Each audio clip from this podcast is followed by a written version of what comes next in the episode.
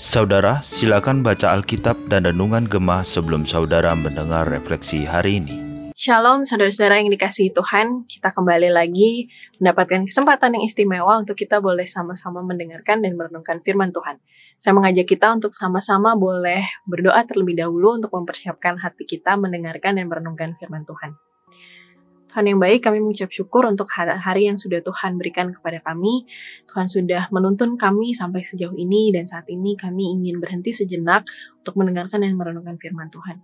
Kiranya ya Tuhan, Tuhan yang menolong kami dalam setiap renungan ini, Tuhan yang memberikan kami kekuatan dan teguran juga lewat renungan ini. Kami berdoa menyerahkan setiap diri kami ke dalam tangan Tuhan, demi Kristus kami berdoa dan bersyukur. Amin.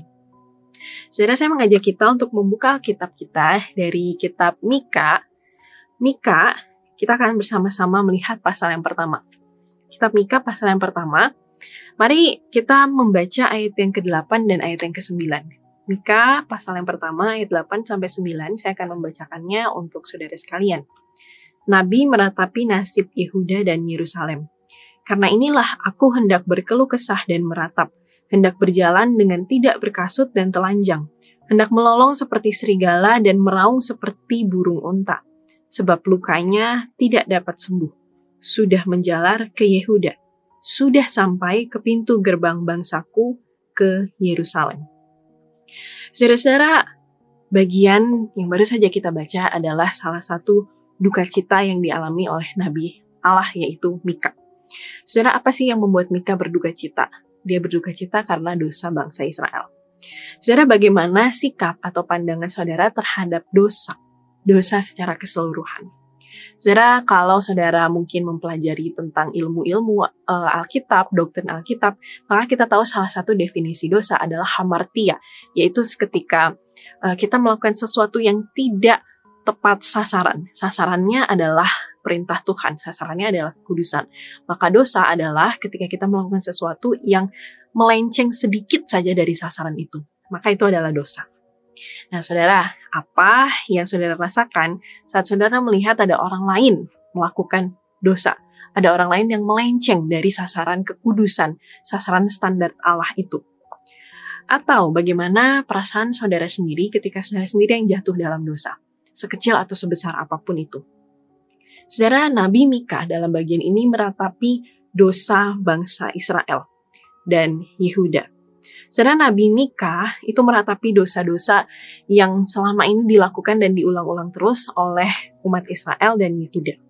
Saudara setiap orang saleh, orang yang takut akan Tuhan, itu tidak akan tahan, hatinya akan gelisah ketika melihat dosa orang yang sungguh-sungguh hidupnya dekat dengan Tuhan, orang yang sungguh-sungguh menjaga dan memelihara kekudusan sesuai standar Allah, pasti hatinya itu tidak tenang ketika berhadapan dengan dosa, ketika berhadapan dengan dosa diri sendiri maupun dosa orang lain.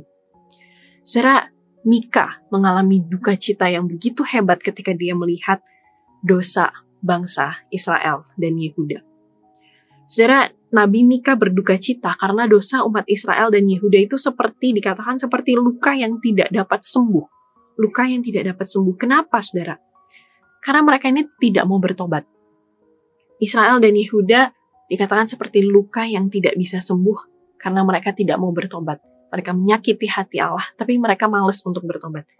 Saudara, dosa tidak dapat disembuhkan kecuali seseorang sungguh-sungguh merendahkan dirinya, bertobat, dan kembali kepada Kristus untuk mendapatkan pengampunan. Dan inilah yang enggan dilakukan oleh bangsa Israel. Saudara, di dalam kitab Injil, Tuhan Yesus itu berkata, apa yang tidak mungkin bagi manusia, itu mungkin bagi Allah. Saudara, manusia sangat-sangat tidak mungkin untuk menyelamatkan dirinya sendiri. Manusia sangat-sangat tidak mungkin untuk dia bisa pulih dari dosa-dosanya atau menyembuhkan dirinya dari dosa-dosanya. Kenapa? Karena naturnya adalah natur orang berdosa. Karena itu saudara, hanya melalui Kristus saja manusia bisa sembuh dari dosa-dosanya. Hanya bila kita percaya kepada Kristus dengan segenap hati, baru kita bisa mengalami penebusan atas dosa-dosa kita. Saudara, dosa sekecil atau sebesar apa pun dapat dibersihkan oleh Kristus dalam karya salibnya. Saudara, yang menjadi pertanyaannya apakah kita ini masih punya hati nurani yang berduka cita ketika kita melihat dosa.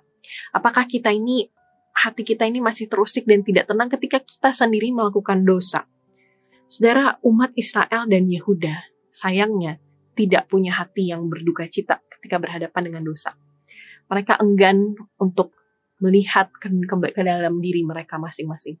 Mereka merasa mereka mampu. Mereka merasa dosa itu nggak ada arti apa-apa, nggak berdampak serius. Apa sih dosa-dosa yang dilakukan oleh mereka? Mereka merancang kejahatan. Mereka menjahati orang lain tanpa takut-takut. Mereka merampas milik orang lain, ladang rumah, ternak, mereka memeras dan menindas orang yang lemah karena mereka merasa mereka lebih powerful.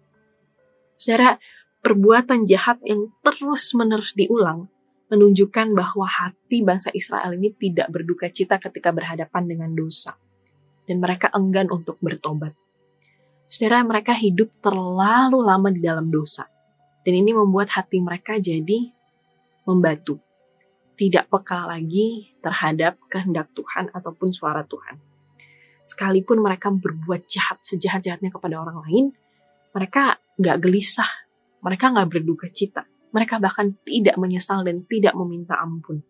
Secara kondisi yang sangat mengerikan ini terjadi juga pada diri kita hari ini ketika kita merasa kebal terhadap dosa Saudara, semakin kita sering melakukan dosa, semakin hati kita itu kebal.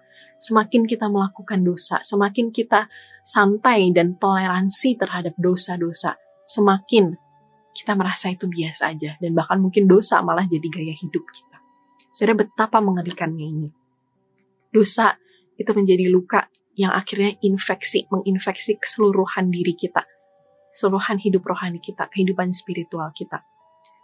Saudara, salah seorang tokoh gereja Agustinus berkata, God will cleanse your sins if you yourself are dissatisfied with yourself and will keep on changing until you are perfect. Tuhan akan membersihkan kita dari dosa-dosa kita apabila kita sendiri tidak puas akan perubahan diri kita dalam mengejar kekudusan dan kita terus berubah terus menjadi lebih baik hingga kita mau jadi sempurna seperti Kristus. Tuhan Yesus itu mau menolong kita, bahkan karya salibnya itu sudah menembus dan menghapuskan segala dosa kita. Tapi masalahnya hari ini hidup kita gimana? Apakah kita mau mengejar kekudusan itu dan hidup sesuai dengan standar Allah? Bagaimana kita menjaga kepekaan hati kita agar kita selalu berduka ketika kita jatuh dalam dosa atau ketika orang lain jatuh dalam dosa? Secara kita harus senantiasa mengoreksi diri kita setiap hari dan memohon belas kasihan dan pengampunan dari Allah. Jangan jadikan dosa itu gaya hidup. Bertobatlah dan mintalah pertolongan dari Tuhan. Mari kita berdoa. Tuhan ampuni kami jika selama ini kami terlalu nyaman berada di dalam dosa, sehingga kami menghidupi gaya hidup yang penuh dengan dosa ya Tuhan. Apa pun pergumulan kami akan dosa hari ini, kiranya Tuhan yang menolong agar kami selalu memiliki hati yang gelisah Tuhan ketika kami berhadapan dengan dosa-dosa kami. Sehingga kami selalu memohon pengampunan dan kami selalu mengejar kekudusan sesuai dengan standar Allah. Terima kasih ya Tuhan, tolonglah kami di dalam kehidupan kami ke depannya Tuhan. Dan demi Kristus kami berdoa dan mengucap syukur. Amin.